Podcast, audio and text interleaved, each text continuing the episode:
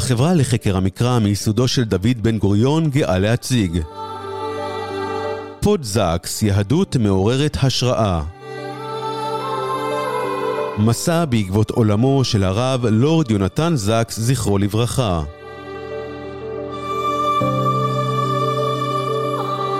בהגשת הרב דוקטור עידו פכטר.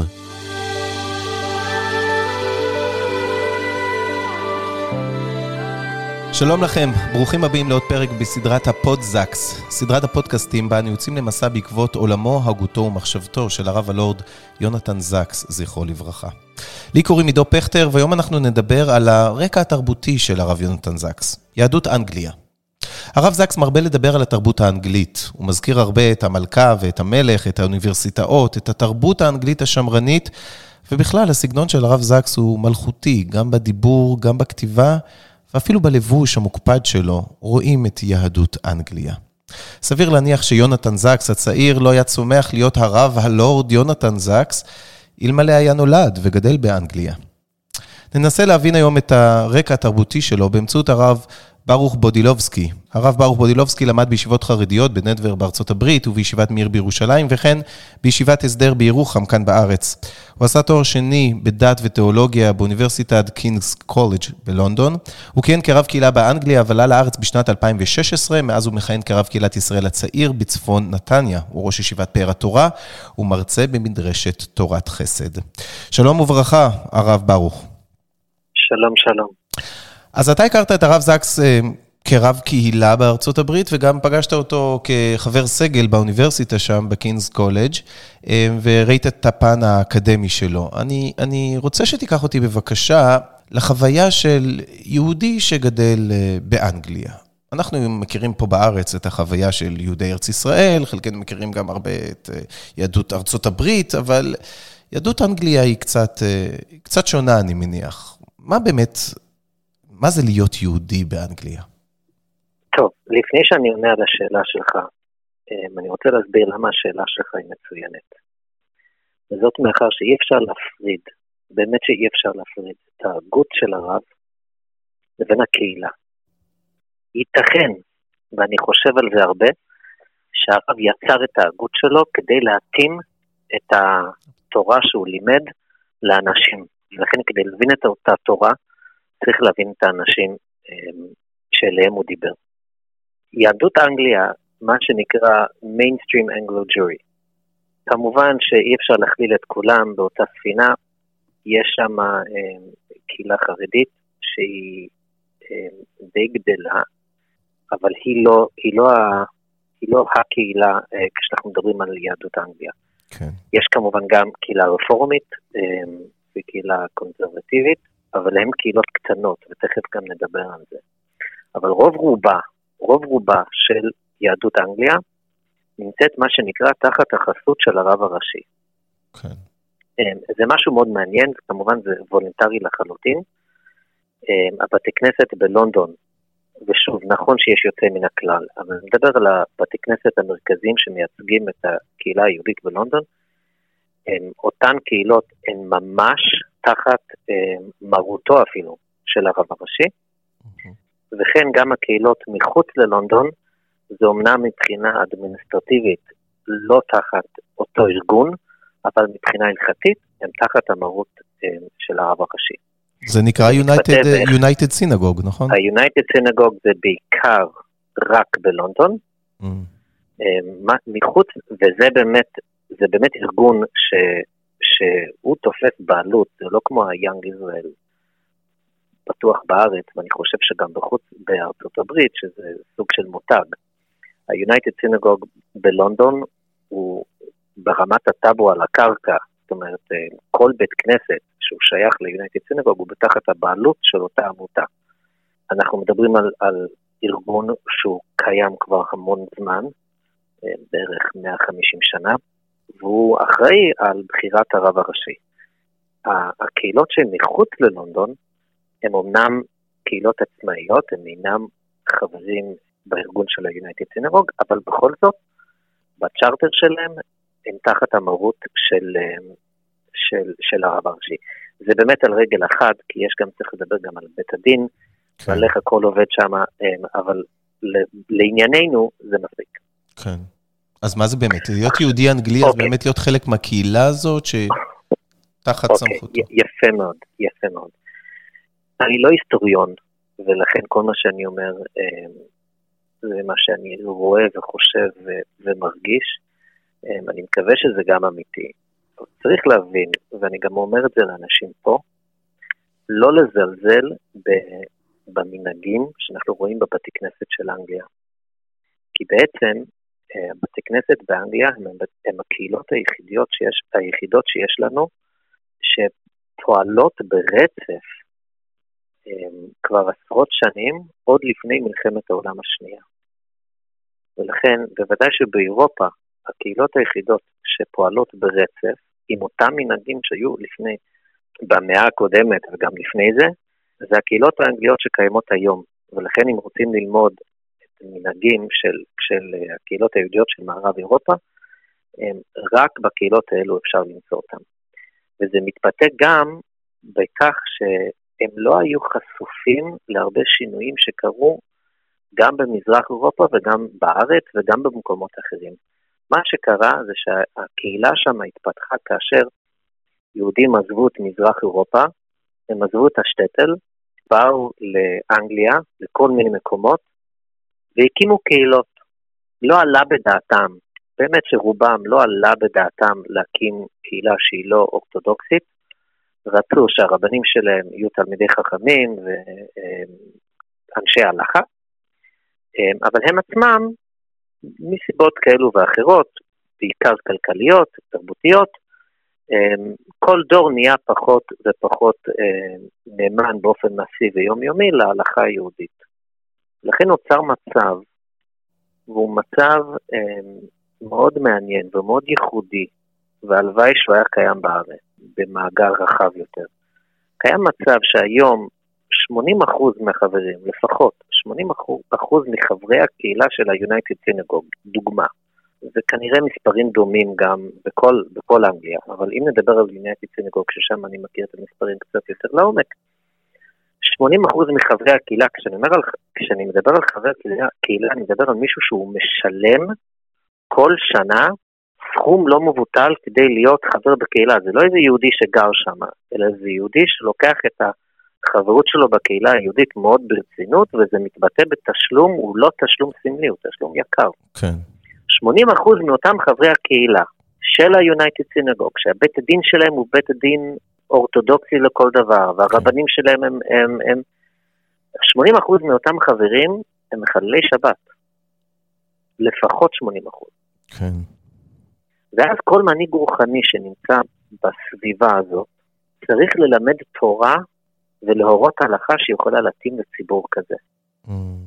הרב זק מייצר הגות שמתאימה ליהודים שאין להם נאמנות בסיסית להלכה היהודית, לשורשים אפילו, והוא חייב לייצר להם, אם הוא רוצה לקחת את התפקיד שלו ברצינות ולתת להם משמעות רוחנית, תורנית, יהודית לחיים שלהם, הוא חייב לייצר הגות שהיא רלוונטית. כן. ולעניות דעתי, הוא עשה את זה בדרך הכי טובה שאפשר להעלות על הדעת. זה מעניין מאוד מה שאתה אומר, זה באמת כי, כי זה, אתה אומר בעצם זה חייב את הרב זק לצאת אה, מגבולות המובן מאליו. כן. במאה אחוז. כלומר, לצאת מגבולות המובן מאליו לדברים שקהילה דתית אה, בדרך כלל אה, רגילה לשמוע או לדבר, ופשוט עכשיו לצאת אל מרחב של יהודים שלא לוקחים את יהדותם כמובנת מאליה, וזה דרש ממנו בעצם לפתח שיחה אחרת, שיחה שמגיעה ממקום אחר. במאה אחוז. שיחה שרוצה לעורר השראה ולקרב יהודים באמת אה, אל תרבותם, אה, במאה אחוז. אל תרבותם והגותם. וזה גם לא שיח של ארגוני קירוב, כי ארגוני הקירוב מדברים עם אנשים ש, שרוצים לשמוע, שחושבים להתחזק. זה שיח ליהודים שמאוד נוח להם בחיים, ומאוד נוח להם ביהדות שלהם. הם רוצים לבוא לבר מצווה, לעלות לתורה, ואחרי זה להמשיך את החיים, ולהתחתן כמובן אה, בחתונה יהודית, אבל להמשיך את החיים, זה אנשים אינטליגנטים, זה אנשים מצליחים, זה אנשים ערביים, הם לא מחפשים משהו. יכול להיות שהם כן מחפשים, אבל, אבל ה-default position זה שהאדם טוב לו, והוא לא חי בסביבה אנטישמית, והוא לא חי עם בעיות מצפון, מה יהיה עם היהדות שלו, וגם אין לו את הנאמנות ההלכתית. כן. ופה הרב צריך ליצור הגות ושיח שמדבר לאנשים האלו. זה הרקע להגות שלו, ואי אפשר להפריד, בגלל זה אני אומר שאי אפשר להפריד בין ההגות לציבור שאליו הוא דיבר. מה שמדהים, כן. זה שהיום אני נחשף, זה מפתיע אותי כל פעם מחדש, למרות שזה קורה פעם אחר פעם, לאנשים, אפילו, אפילו אנשי חינוך חרדים, במיינסטרים החרדי הישראלי, שרחוקים מזרח ממערב מאותם אה, חברי קהילה שתיארתי לפני זה, ששותים בצמא את דברי תורתו. אה, וזה באמת מה שמדהים, שבלי לדעת הוא יצר אה, הגות ושיח שלא רק מתאים לחברי קהילתו, אלא שמתאים ליהודים בכל העולם, אפילו היהודים שהם הכי נאמנים להלכה ולמסורת הרבנית שאנחנו מכירים. זה מעניין, אתה חושב שהוא ידע שזה יגיע לשם? הוא ידע שזה ייצור כזאת תהודה? אתה אומר, הוא לא כיוון לשם באופן טבעי, אבל הוא צפה שזה יגיע וידבר על כל כך הרבה יהודים, ואפילו לא יהודים, אה, ברחבי העולם? יש הרבה דברים שאני יודע על מה הוא ידע, כי הוא אמר לנו.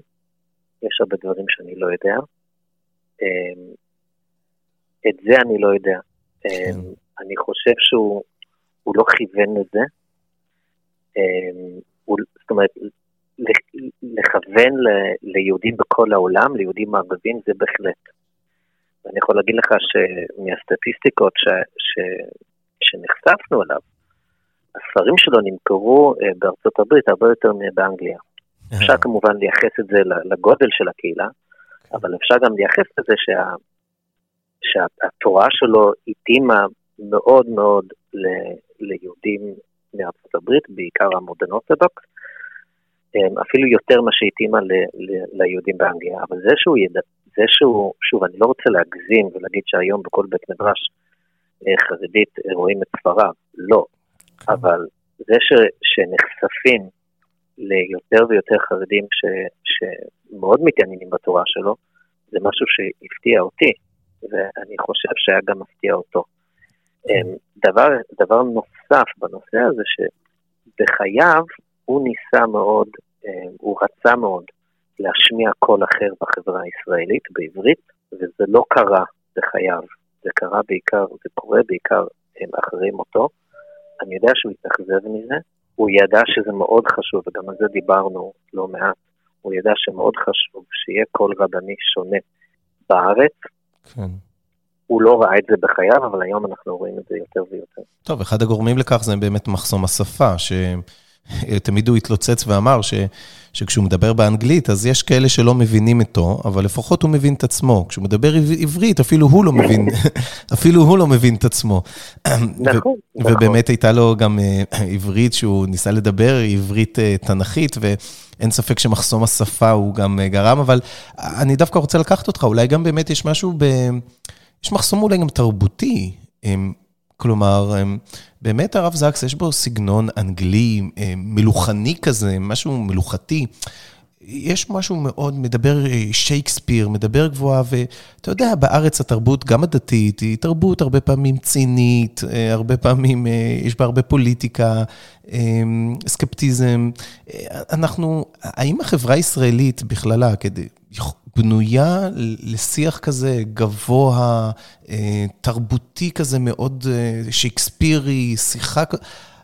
האם אתה צופה שבאמת החברה הישראלית, הקהילות היהודיות כאן, יוכלו לקבל בכלל? זה יתאים להם? כן, אתה אמרת כל כך הרבה בדקה האחרונה. דבר ראשון, לא היה חסר שם אה, פוליטיקה והרבה דברים נחותים שהוא היה צריך להתעסק איתם.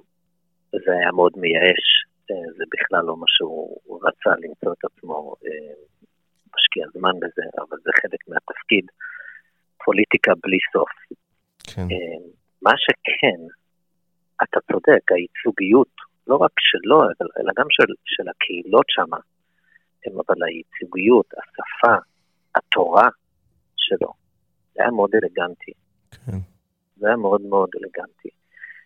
זה גם ככה בגלל, בגלל אה, באופן כללי התרבות הבריטית היא, היא כזו, אבל זה גם, זה גם היה אה, חלק מההגות שלו. התורה הייתה חייבת להיות לא רק רלוונטית, אלא מפוארת ויפה, וכדי לעשות זאת צריך להציג אותה בכלים אה, מאוד אלגנטיים. אם דיברנו על, ה, על, על אי היכולת להפריד בין האנשים לבין ההגות, לעניות דעתי אי אפשר להפריד גם בין ההגות של הרב לבין השפה של הרב, ולכן מאוד, מאוד, מאוד אה, צר לי על אנשים שלא לומדים את תורתו בגלל המחסום השפתי, ולא פחות צר לי מאנשים שקוראים את תורתו בעברית ולא באנגלית, כי מפסידים הרבה מההגות אה, כשלא לומדים את התורה עצמה אה, באנגלית, כי זה החלק, השפה הייתה חלק מה... השפה האלגנטית, הכל כך יפה שלו. כן. באמת המיוחדת, אני אומר את זה לתלמידים ולילדים שלי, שאני קורא הרבה אנגלית ואני חושב שאחד הכותבים בשפה האנגלית הכי טובים שאני אי פעם נחשפתי אליהם בעולם, כולל, כולל כותבים מאומות העולם, זה הרב זקס. כן. זה היה חלק מההגות. אבל אם אנחנו לוקחים את, ה, את הנושא הזה לארץ, יכול להיות הרב, ואני בטוח שגם אתה חושב ככה, אני חושב על זה כל, יכול להיות שכל יום בחיי. כן. אגב, וגם הרב חשב על זה, אה, דיברנו על זה, אבל השיח, השיח בארץ, זה לא רק השיח, אלא המבנה החברתי שלנו הוא כל כך אלים. כן. זה מתבטא כמובן בכבישים ובפוליטיקה ובדרך שאנחנו אה, עושים עסקים ו- ו- ועוקפים בתור וכל הדברים האלו. השיח הוא כל כך אלים. כן. גם בתוך הציבור התורני וגם בתוך הבית מדרש הישראלי. נכון. אמ, השיח הוא, הוא, הוא, הוא, הוא לא מספיק מכבד. כן. הוא לא מספיק מכבד, לא למדנו את הלקח אה, של רבי עקיבא ותלמידיו, אמ, שלא כיבדו אחד את השני כמו שצריך בתוך בית המדרש. אני חושב, ש, אני חושב שזה מאוד חסר, זה חסר לציבור התורני, זה חסר לציבור הכללי. אמ, שיהיה לנו קול אלגנטי, נקי, נקי מפוליטיקה, נקי מאינטרסים, okay. כן. אמ, וטהור ברעיון הטוב שטמון בו. כן, כן, וואו. הלוואי ובאמת נזכה, אני רוצה לשתף אותך, אתה יודע, הרב ברוך, גם אני הייתי רב קהילה של יאנג ישראל, ישראל הצעיר בדרום נתניה. נכון. אתה בצפון נתניה, אנחנו באמת עמיתים עוד אה, נכון. מהתקופה ההיא. אה, וגם שם אני רוצה לשתף אותך שבאמת אה, חלק ניכר מהקהילה שלי היו אה, אנגלים שהגיעו מאנגליה, ובאמת שם נחשפתי, אתה יודע, בחיים הריאליים נחשפתי לתרבות הזאת, ו... ופשוט התאהבתי בה, גם מהנימוסין וההליכות והדרך ארץ, ואפילו מה, מהדיוק בזמנים. אם מתחיל שיעור באחת, אז, אז בחמישה לאחת כולם נמצאים כבר. היה לנו פעם ליל שבועות שרצינו להתחיל תיקון ליל שבועות, תכננו אותו ל-11, והיה לנו חלק אנגלי וחלק עברי.